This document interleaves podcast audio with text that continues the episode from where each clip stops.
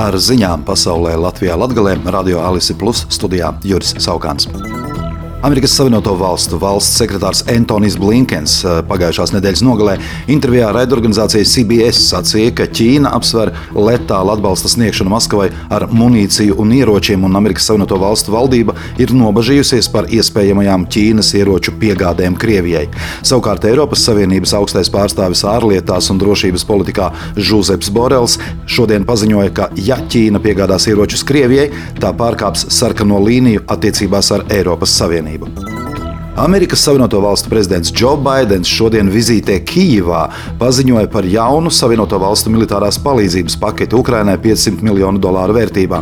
Tajā paredzēta munīcija Haimars un Haubicēm, prettanku sistēmas Javelin un gaisa telpas novērošanas sistēmas, sacīja ASV prezidents Marijas Pilī tiekoties ar Ukrainas prezidentu Volodimiru Zelenski. Par Baidena vizīti Kijivā drošības apsvērumu dēļ iepriekš nebija ziņots.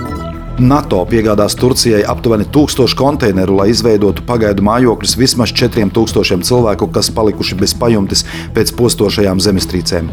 Pirmais kuģis ar 600 konteineriem svētdienas vakarā izbrauca no Itālijas ostas Taranto. Turcija pārtraukusi glābšanas darbus visās zemestrīču skartajās provincēs, izņemot Kahramanmārašu un Hataju. Taģikistānā lavīnās pēdējās dienās gājuši bojā 19 cilvēki. Šodien paziņoja valsts ārkārtējo situāciju komiteja. No 15. februāra līdz 19. februārim reģistrētas 200 lavīnas, 7 noslīdeņi un 6 akmeņu nogrūmi. Sabiedrība Jēkabpils autobusu parks ir izsludinājusi iepirkumu divu pilsētas autobusu iegādē, kam kopumā plānots atvēlēt pusmiljonu eiro. Par to liecina elektronisko iepirkumu sistēmā publiskotā informācija. Pilsētas vajadzībām plānots iegādāties ar gāzi darbināmus autobusus. Pieteikties konkursā var līdz 3. martam, bet autobusi būs jāpiegādā septiņu mēnešu laikā.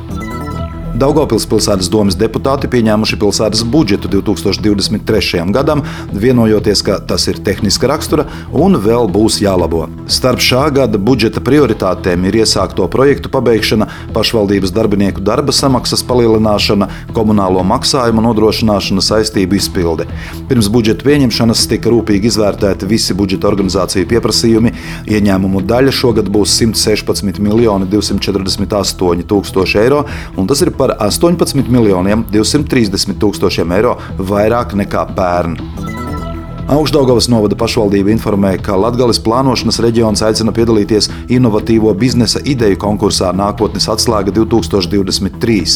Vismaz pieci labākie autori saņems apmaksātu pieredzes apmaiņas braucienu uz Norvēģiju, lai iepazītu veiksmīgas uzņēmējdarbības piemērus. Aicināti piedalīties interesanti, kas pieteikšanās brīdī vecāki par 16 gadiem. Konkurss noritēs divās kārtās. Pirmajā komisija izvērtēs iesniegtos pieteikumus un uz otro kārtu izvirzīs līdz 15 desmit labākajām biznesa idejām.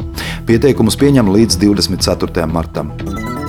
Daugopils vienības nama tradīciju nams aicina iedzīvotājus svinēt meteņus, apvienojoties komandās astoņu cilvēku sastāvā un pieteikties dalībai svinībās sazvērestības jautrība jau rīt, 21. februārī, 2006. Andrēja Pumpura laukumā.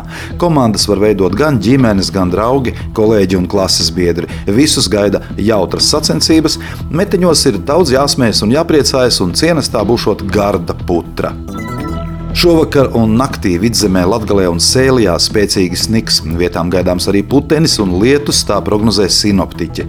Latvijas vides, geoloģijas un meteoroloģijas centrs visā valsts austrumu pusē no pulkstens 5 vakarā līdz pusnaktī izsludinājis oranžās pakāpes brīdinājumu par ļoti stipru snikšanu.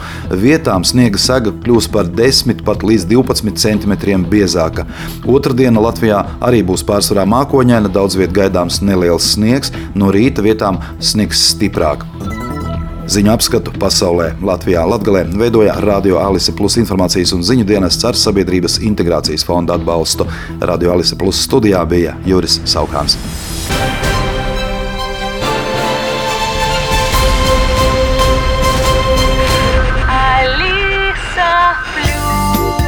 Radio